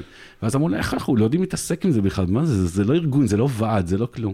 אבל אה, למה צריך? כי, כי, כי כשאתה מסתכל על הרבה גופים, במיוחד גופים גדולים, ובמיוחד גופים, מה שנקרא, ותיקים, אוקיי, היסטוריים, אה, הם בדרך כלל אוהבים לא לגעת. בדרך כלל הם אוהבים שהשמש זורחת במזרח ושוקעת במערב. לא לנענע את הספירה. לא, לא, כלום. ואם, אל תשאל שאלות, זה פשוט עובד, תעזוב את זה ככה. ואני אומר לך, אני צללתי, אני הלכתי עם נתונים. אני הלכתי עם זה ממש עם נתונים, הלכתי וצללתי בדוחות, וראיתי שה, ש, שעמלות המרה זה, זה הסעיף אולי כמעט היחיד שצמח בצורה מטאורית בחברות האשראי בשנים האחרונות. תפתח דוחות של חברות האשראי בחמש שנים האחרונות, שש שנים האחרונות, כמובן מאז שאנשים התחילו יותר לטוס לחו"ל ויותר לקנות בחו"ל, אוקיי? אז זה הסעיף צומח, ותחשוב שחב, שחברת האשראי שותפה בקניות שלך בכמעט שלושה אחוזים. מטורף. בלי לעשות כלום. בלי לעשות פשוט כלום. אז, אז אמרתי, רגע, זה לא תקין, זה משהו פה הזוי. ומצד שני, היה לי כרטיס אשראי, שאתה יודע, ששמעתי, ועם כל הארגונים, שהבנתי שהם משלמים פחות, הרבה פחות. אז צריך... אבל אני אגיד לך מה, נגיד, אתה, כשאתה דיברת אז, אז באמת לא היה הרבה תחרות. היום יש תחרות, היום יש fucking תחרות. אנשים יותר מודעים מפעם, אני חושב. ו- ובאמת האשראים הפכו להיות חוץ-בנקאיים, ו- ואתה יודע, ועכשיו אה, סוף סוף יש אה, בנק חדש שבדרך, אני מקווה שהוא יהיה טוב, ראינו את אה, ליבי שהיה כן. מדהים, אבל כאילו, אני לא מרגיש שהם באמת מרגישים את זה, אני הייתי בבנק שלי, אני באתי אליהם, אמרתי להם, חבר'ה, תורידו לי עמלות. אמרו, למה? אמרתי, ככה? כי אני אבוא לבנק אחר? אבל אתה צריך להתחייב להשתמש באשראי וככה וככה. אבל אמרתי, אבל אני לא צריך את האשראי שלכם, יש לי אשראי משלי. אבל זה מה שצריך, אמרתי, לא אכפת לי. וזה פשוט היה דיון בין חרשים. נכון. כאילו בסופו של דבר להסתדר, אבל כאילו, נכון, איפה לא, אתם? הם לא, כי, כי עוד פעם, אתה, אתה בא מהעולם החדש, בסדר? ובנק זה מהעולם הישן. ובעולם הישן בעצם העסק הוא המרכז, והלקוחות זה סוג של קהל. ובעולם החדש הלקוח הוא המרכז, והעסק הוא הקהל. ואת השינוי הזה צריך להפנים, חברות צריכות להפנים, וגם בנקים צריכים להפנים את זה בצורה משמעותית. בנקים במדינת ישראל לא מתנהלים ככה, לא שמים את הלקוח במרכז. הם לא אוהבים לגעת בשום דבר, לא אוהבים להזיז את הגבינה בכלל. וביום שהגבינה תתחיל לזוז, אז באמת יתחילו לזוז פה הרבה דברים. אבל בנקים כמו חברות אשראי, היום חברות אשראי טיפה הרבה, כאילו לא טיפה הרבה, אלא יותר תחרותיות, ההפרדה עשתה להם טיפה טוב, כי הם, זה היום כבר חברות פרטיות שרוצות, מסתכלות באמת כאילו על, על, על, על אה, המתחרים שלהם יותר, ולא רוצים, לא אכפת להם להפריע. בעבר, אתה יודע, לא רצו, או בנקים לא רוצים לעשות משהו שהוא יגרום למתחרה שלהם לעשות להם משהו. זאת אומרת, אוהבים לשמר את המצב הקיים. בעיניים שלי, בתפיסת העולם שלי, אני לא מאשים את אף אחד בכלום. ולכן אני אומר, צריך מישהו או משהו שיזיז טיפה את המחט בקטע הזה, ובכרטיס אשראי הזה היה צריך להזיז את המחט. ולשרוט את התקליט, ולהגיד, רגע, משהו פה לא תקין, ובוא נעשה את זה אחרת. בוא נעשה את זה אחרת. אגב, ה- ה- אני חושב שהתרומה שלי למקס, היא לא באלפי כרטיסים שיש בחברי הקבוצה. התרומה הכי גדולה שלי למקס, אוקיי, הווין ווין שמקס קיבלו ממנו, הם, הם פחות נהנים בהכנסות, כי הם לא מקבלים דמי, כרטיס, ועמלת המרה, שזה בעצם, היום מבחינת, יש את העמלת צולבת הרי שנשחקה בצורה מדהימה בחברות האשראי, אז זה לא באמת סעיף רווח גדול, הוא קטן שיק, או קטן יותר נכון, ובאמת הרווח שלהם הוא בעמלות המרה, שהן גדלות. ואני, עם הכרטיס שלי, אני לא באמת מעניק להם את הרווח הזה, אבל אני חושב שבאמת התרומה הכי משמעותית שלי, זה לתת למקס היום, או לאנשים במקס, את המגע עם הצרכן, עם הלקוח, בקצה, עד הסוף, שבוחן אותו ומסתכל עליו מכל כיוון ויודע לבקר אותו ולתת לו את הטיפים, את העצות ואת ה-QA שהוא רואה, לעשות אותו כחברה טובה יותר. איך הוא באמת רוצה לפנק? שיפנקו אותו. זה לא רק איך הוא רוצה לפנק, אלא את ההבנה, בוא ניתן לך דוגמה. אה, נושא של פריסת תשלומים, אוקיי? אתה כצרכן, קנית במדינת ישראל משהו, ואתה לא פרסת את ה... העסק לא רצה לתת לך תשלומים, סתם לצורך העניין. לא עשית מה שנקרא תשלומים במעמד הקנייה, אלא רוצה לעשות את התשלומים במעמד הפוסט קנייה, אחרי. בעבר היית נכנס לאתר או לאפליקציה ופורס את העסק, את הקנייה. ובקנייה מחו"ל זה לא היה אפשרי. ואז אמרו לי, רגע, זה אפשרי, שיתקשר לשירות. ואני אומר, מה זאת אומרת שיתקשר לשירות? אנשים לא רוצים לדבר עם השירות. אני רוצה ב-11 בלילה, שהוא סיים את הקנייה שהוא עשה עכשיו לרסיבר באמזון גרמניה, שעלה עכשיו 3,000 שקל, הוא מוכן לשלם את הריבית. אתם תהנו מזה. תנו לו את האפשרות להיכנס לאפליקציה שלכם עוד שעה, עוד חצי שעה, אחרי שהעסקה תירשם, כאילו, ולפרוס את התשלומים. עכשיו, זה לקח תהליך, זה לקח כמה חודשים, והם זזו. או לחילופין, אני אתן לך דוגמה נוספת, יש בכרטיס אשראי של הקבוצה, הדיפולט, המצב הדפולטיבי של, של החיוב הוא שוטף 30. אה, זאת אומרת, קנית את ה... אני בקניות מחו"ל. קנית היום, אז בתפיסת עולם שלי זה, זה טוב, כי זה נותן לך באיזשהו ביטחון, כי אתה קונה היום, עד שתקבל את המשלוח שלך מחו"ל, עד שזה, תראה שהמוצר לא עקצו אותך, כן טוב, כן לא תקין, ככה אתה לא באמת מחויב, ואם תהיה תקלה, אז אתה יכול כבר מול חברת האשראי גם כאילו לערב אותה במקרה שיש, אסור לך עוקץ, או לא משנה מה. כן. אז אני כן. אמרתי להם, אני רוצה שוטף 30, אמרו לי, סבבה, אז יש שוטף 30. אבל יש אפשרות, ש... יש אנשים שלא רוצים שוטף 30, הם רוצים שוטף, כמו החיוב הישראלי הרגיל, השקלי הרגיל. אה, או הם רוצים, אה, לא יודע מה, מיידי. ואלף אחת, לא אלף אחת, אלא שלוש האופציות האלה. ואז אמרו לי, אין בעיה, שיתקשר לשירות. ואנחנו, ואז החברי קבוצה אמרו להם, אנחנו לא רוצים לדבר עם השירות. אנחנו רוצים לפתוח באפליקציה ולשנות את זה בכל רגע נתון. פשוט, הכי פשוט בעולם. אז זו התרומה שלי באמת הגדולה למאק, זה בעצם השפשוף הזה עם הצרכן, עם הלקוח ולהקשיב. כי הרבה פעמים בחברות כאלה יש באמת מוקדי שירות טובים, מעולים, לא משנה כמה הם יהיו, זה בסוף מערכות CRM, שנציג מסווג באיזשהו, אחת מהאופציות את הסוג הפנייה ומה היה שם, אוקיי? וזה אולי לא קשור בכלל למציאות שמה שהלקוח יתקשר ואף אחד לא לומד מזה כלום. אז אני חושב שהמגע הזה, דרך קבוצות פייסבוק או קהילות, מה שנקרא, לארגונים, במיוחד לארגונים גדולים, הוא, הוא מאוד מאוד קריטי בשביל ללמוד ולהיות טוב יותר. וזה אגב דוגמה, משהו שבנקים לדוגמה לא עושה בכלל היום. אה, החברות אה, אשראי, חלקן מתחילות, או לא מתחילות, מקס הפנימו את זה, וחברות אחרות מתחילות להפנים את זה יותר ויותר. המגע עם הלקוח הוא מאוד מאוד חשוב, כדי להיות טוב יותר בשירות גם. אמ, יש עוד משהו שהיית רוצה שאני אשאל? נו, על הקבוצה לא שאלת. מה עושים, איך עושים, קונים, לא קונים. מה קנית לאחרונה, אתה? וואי, מה אני קניתי לאחרונה? איך עבר עליך? איך עבר עליך נובמבר? בוא, בוא תראה, בוא תראה, הנה. מה זה? מה זה? איפה אתה? מה, על הגיטרה? לא. לא, לא, רגע, אני אראה לך. אה, זה. hot ones. מה שרוב האנשים לא רואים פה זה אני הזמנתי מ-hot ones, מי שמכיר את התוכנית hot ones, זו תוכנית שמראיינים סלבריטאים. או, מצוין, אחרי... מראיינים סלבריטאים, אה. וכל אחד עם כנפיים, וכל כנף, לפני כל שאלה, אוכלים, אה, אוכלים כנף חריפה, שנהיה יותר ויותר חריף עם כל כנף וכל שאלה. אז קניתי את הערכה שלהם. איך, איך, אגב, איך זה עבר? כן. זה הגיע מחו"ל? אה, למה אני שומע את עצמי? אוקיי, סבבה. כן, זה עבר בלי שום בעיה, הגיע יופי, מהר יותר ממה שהם אמרו. אתה יודע שבעבר לא היית יכול להכניס את זה לארץ. למה? כי אתה זוכר את אירוע טארגט שקרה בשלהי 2000? כן, אני זוכר, היה את העניין הזה שהם עשו את המשלוח חינם, ואז... כן, כן, כן, כן, כן, כן, כן, כן. אז זה ככה, דרך, הרי הסיפור הזה של המשלוח כן. חינם של טארגט, זה משהו שזה אירוע שהיה קורה להם פעם בשנה, הם היו עושים אותו. נכון, נכון. וזה היה בשקט ואף אחד לא ידע, זה ככה, זה התגלגל.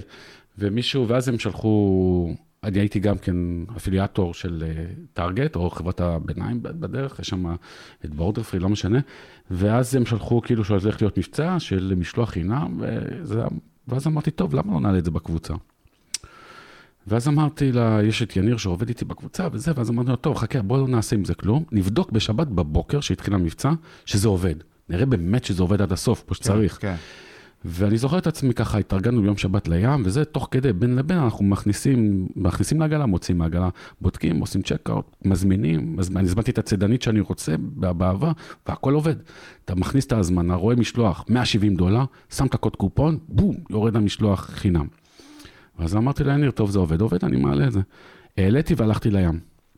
בצהריים, כשהיינו עוד בים, מתקשרת אליי אה, מירב קריסטל, הכתבת הצרכנית של ynet, אה, ואז אומרת לי, בני, ראיתי את הפוסט וזה, זה באמת כאילו, זה אמרתי, מירב, זה, זה כן, באמת, כאילו, זה זה, זה זה, כאילו, זה עובד. אמרתי טוב, אני מעלה את זה, אמרתי לו, תפאדל, בבקשה, תעלי את זה. העלתה את זה, ואז נהיה באמת איזשהו, כמו, זה כאילו, כאילו, ישראל גילתה את אמריקה. אני זוכר את זה, אני זוכר את היום הזה.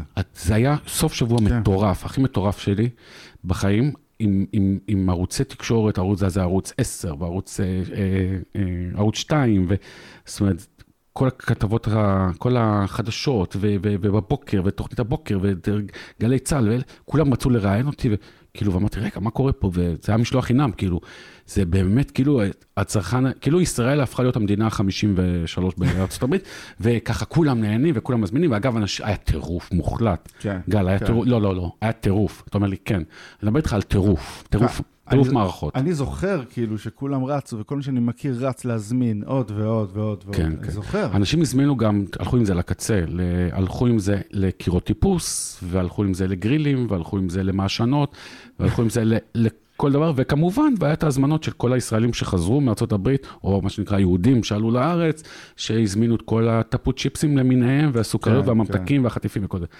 ולמה אני אספר כל הסיפור הארוך הזה? כי נגמר המבצע, ואז דיברתי עם החברים מ-DHL, אגב, שהם לא היו אז חברים שלי, דרך האירוע הם היו, הפכו להיות חברים שלי, אבל הגעתי אליהם, אמרתי להם, חבר'ה, תקשיבו, היה איזה אירוע קטנצ'יק בסוף שבוע הזה, שהיו כמה, לא אלפים, קצת יותר, מהזמנות. ואז החבר'ה מ-DHL אמרו לי, "אה, עזוב אותנו, זה לא קשור אלינו, אנחנו DHL אקספרס, אנחנו האקסקלוסיביים.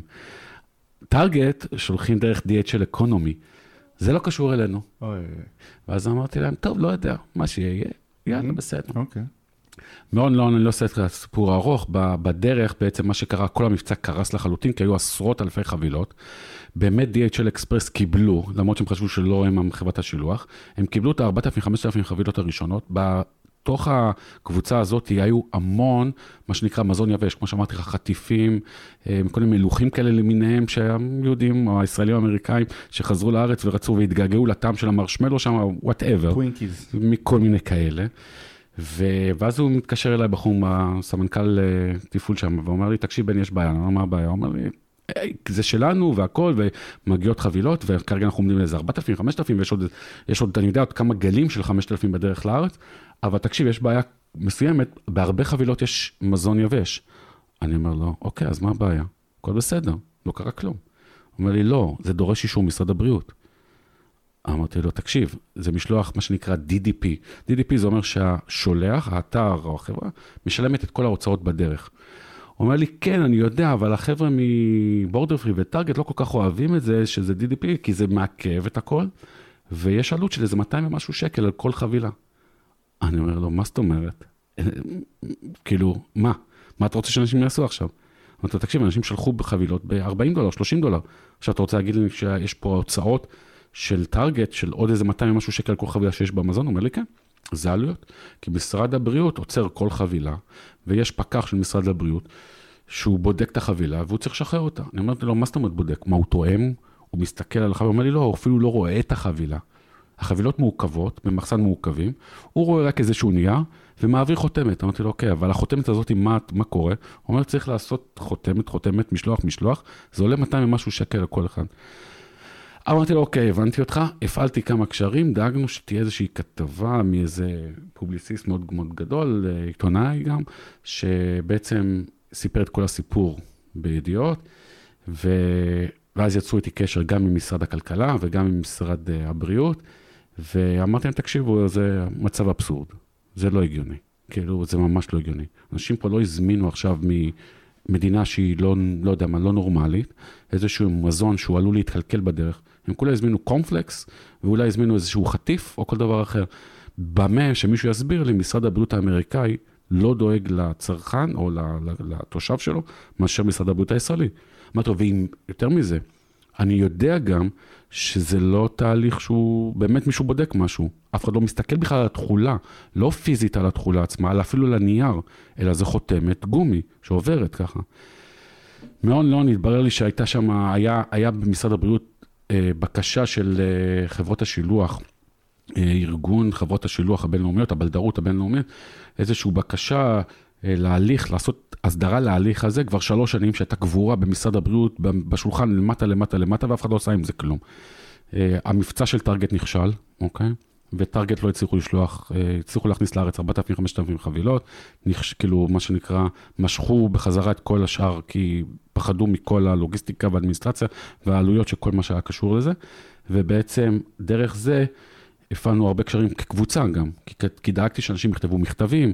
אה, אחד מהדברים שאנחנו אוהבים לעשות זה, לה, ל, ל, ל, ל, ל, אני לא אגיד להטריל, אבל להציף אה, תיבות מייל, אוקיי, של, אה, של רגולטור, במידה ויש עוולה. שיש עוולה, אני אוהב לטפל בה. הצפות, הצפות זה טוב.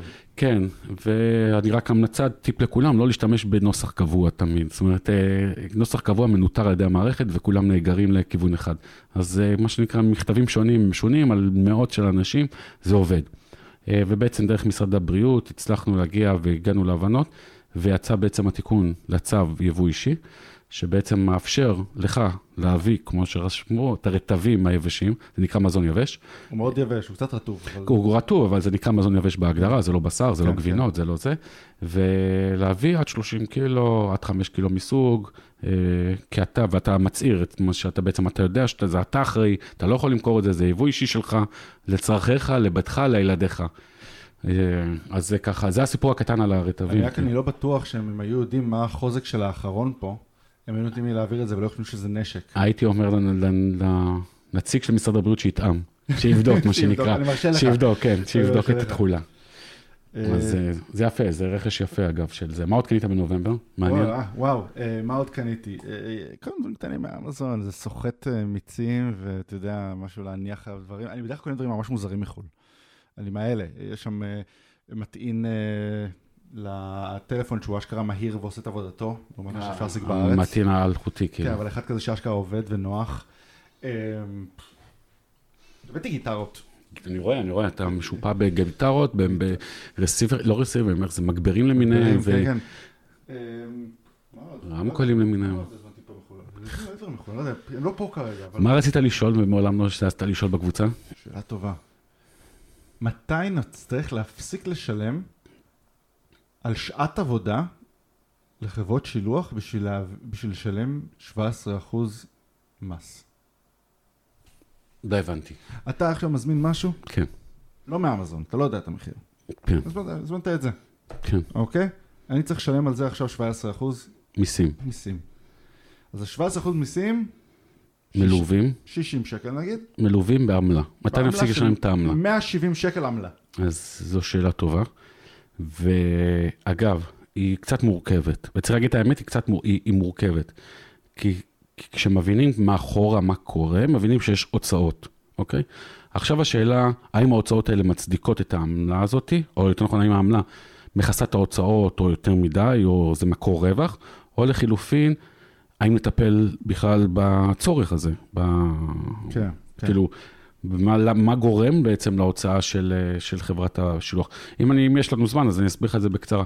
כשאתה הזמנת את המוצר הזה מעל 75 דולר, אה, בשילוח שהוא, יש שני סוגי משלוחים, כמו שאמרתי מקודם, בעולם, יש משלוח שנקרא DD, שה, סליחה, הסיווג הלוגיסטי שלו נקרא DDP, ויש סיווג שנקרא DDF. זאת אומרת, זה האם ההוצאות שנגרמות בדרך, זה לא משנה מה, או יש הוצאות, מיסים, אה, רגולציה, לא משנה מה, בכל כל מדינה יש את ההגדרות שלה.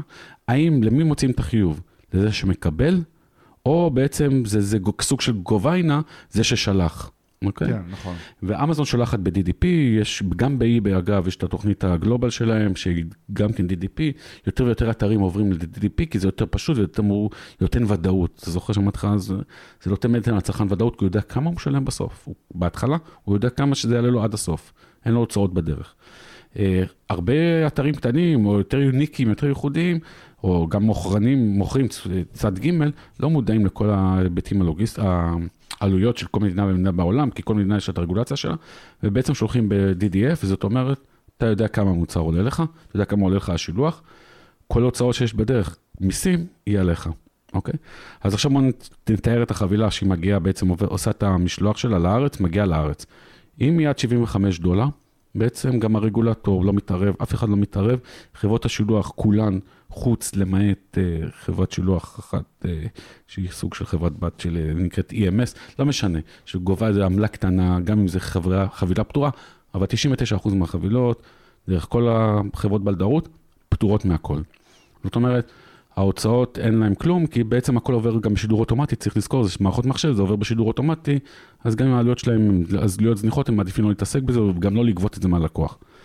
זה בחבילה של עד 75 דולר, ועכשיו מתחילים, מתחיל המשחק. המשחק מתחיל במעל 75 דולר. בעצם מעל 75 דולר, יש אה, אה, אה, נושא של תשלום מיסים, אוקיי? בתשלום המיסים בעצם החברות צריכות לשלם לרגולטור, כי הן רוצות לשחרר את החבילה, אתה חושב שמגיע עכשיו אה, סוג של מכולה, זה לא מכולה, אבל סוג של קונטיינר בשילוח אווירי, כן.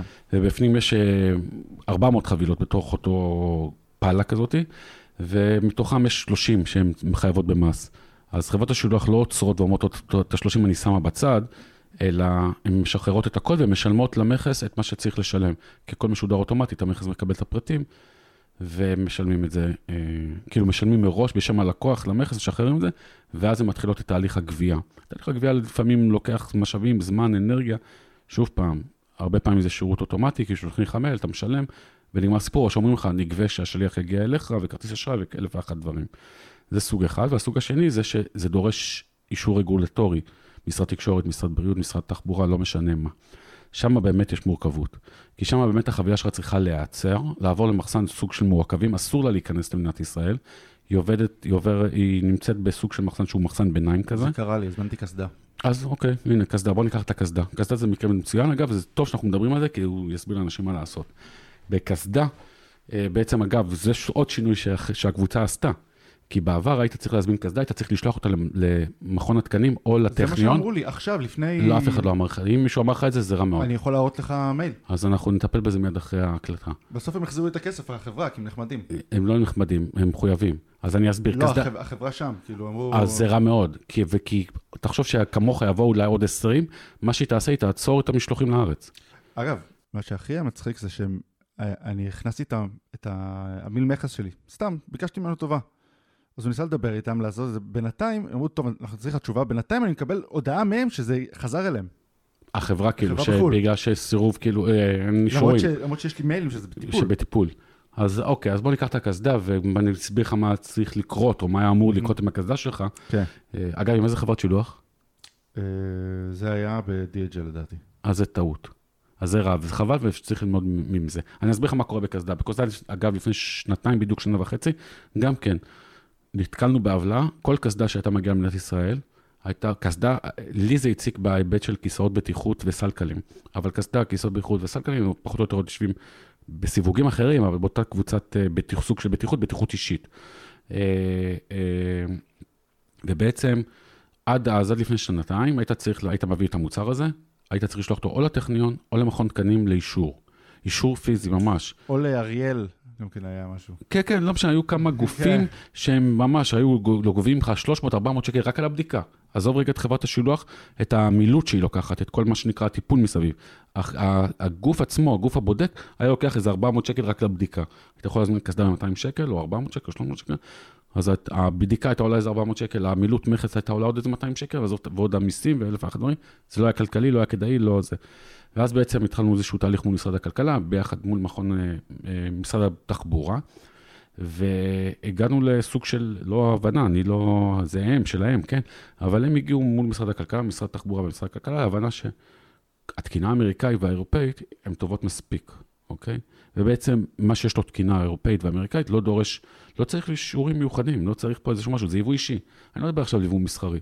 זאת אומרת, אני בתור צרכן, אם המוצר הוא מוצר שיש לו תקינה אמריקאית, מה הבעיה?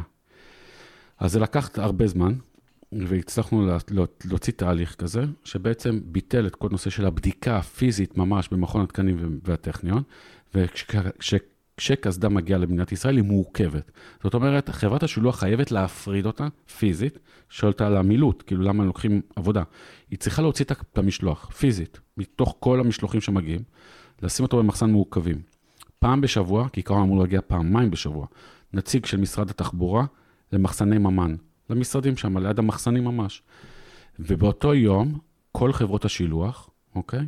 יש להם נציגים שמסתובבים שם, אמורים ללכת למחסן מעוכבים, להוציא, מחסן מעוכבים הוא של המדינה, כן? של ממן. זה לא של חברת השילוח. להוציא את המשלוח שלך, את אותה קסדה שלך, ובדרך להוציא עוד כיסאות בטיחות, של כל הספקים, לא משנה, של כל הלקוחות, לקחת עגלה, לשים את הכל, ולדחוף את העגלה הזאת למשרדים של משרד התחבורה, שהגיע נציג של משרד התחבורה. הוא מגיע פעם בשבוע, פעמיים בשבוע. שמה, כל אחד בתורו, הם עומדים בתור, כל אחד בתורו נכנס אליו, הוא מסתכל על המוצר פיזית, מסתכל על, ה, על הניירת, רואה שיש תאימות, זאת אומרת, זה המוצר, זה מה שהזמנו. שתיים, בודק ומאשר אה, בודק אם יש על המוצר הזה תקינה, או אירופאית או אמריקאית, אוקיי? ברגע שהוא רואה שיש עליו תקינה, כי המוצרים האלה מסומנים הרי, הוא מאשר את המשלוח הזה, והוא נכנס לארץ. אז לגבי העמלה הזאת שלך שדיברנו, זה כל העבודה הזאת של חברת השילוח. זה, זה הגיוני, על דבר כזה אני מוכן לשלם.